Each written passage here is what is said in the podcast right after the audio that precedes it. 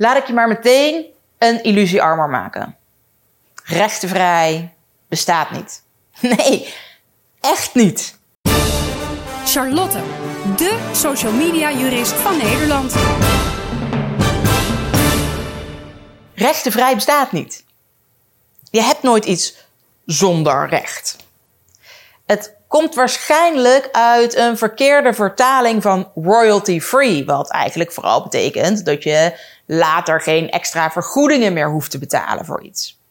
Rechtenvrij gebruiken we over het algemeen in de context van het auteursrecht. Nou vervalt het auteursrecht wel 70 jaar na het overlijden van de maker.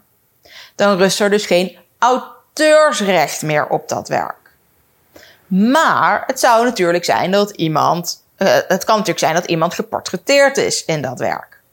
Dan heeft die persoon wel gewoon nog portret, portretrecht tot 10 jaar nadat die persoon is overleden. Misschien zijn er in het werk wel merken te zien. Nou, afhankelijk van hoe je zo'n werk dan wil gebruiken, kan het zijn dat je dus nog rekening moet houden met dat merkenrecht.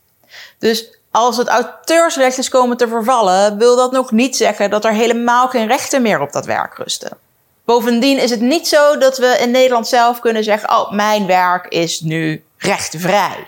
Dat betekent dus dat je wel allerlei licenties kunt geven voor je werk. Hè, zoals we gebruik kunnen maken van Creative Commons. En je zou dus ook best kunnen zeggen: Nou, we doen een Creative Commons nul licentie, wat dus, of zero, CC0 licentie.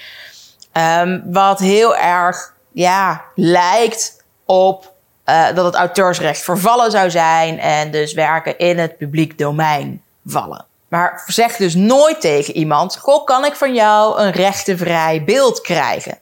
Wat daar meestal mee bedoeld wordt, is nou, kunnen we het krijgen zonder dat we ervoor hoeven te betalen? En Misschien bedoelen ze ook wel zonder dat we de naam van de maker hoeven te vermelden. Het lastige is dus dat ook niet iedereen exact hetzelfde bedoelt met het woord rechtenvrij. Dus zeg daarom ook nooit, je kunt het beeld van mij rechtenvrij krijgen. Nee, je kunt van mij dit werk krijgen voor bijvoorbeeld eenmalig gebruik, wel of niet met vermelding van de naam van de maker. En heel veel journalisten vragen bijvoorbeeld om een rechtenvrije foto voor bij een interview. Nou, dan is het niet de bedoeling over het algemeen dat die foto nog in een beeldbank terechtkomt.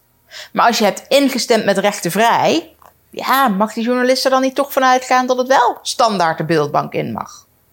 Terwijl de fotograaf het misschien prima vindt dat de foto nu een keer bij het interview wordt gepubliceerd, maar niet zomaar dat het ook alle andere keren bij het interview wordt gepubliceerd. Kortom, ga dus niet zomaar uit van het woord rechtenvrij. Vraag altijd wat iemand daarmee bedoelt en maak alsnog duidelijke en specifieke afspraken.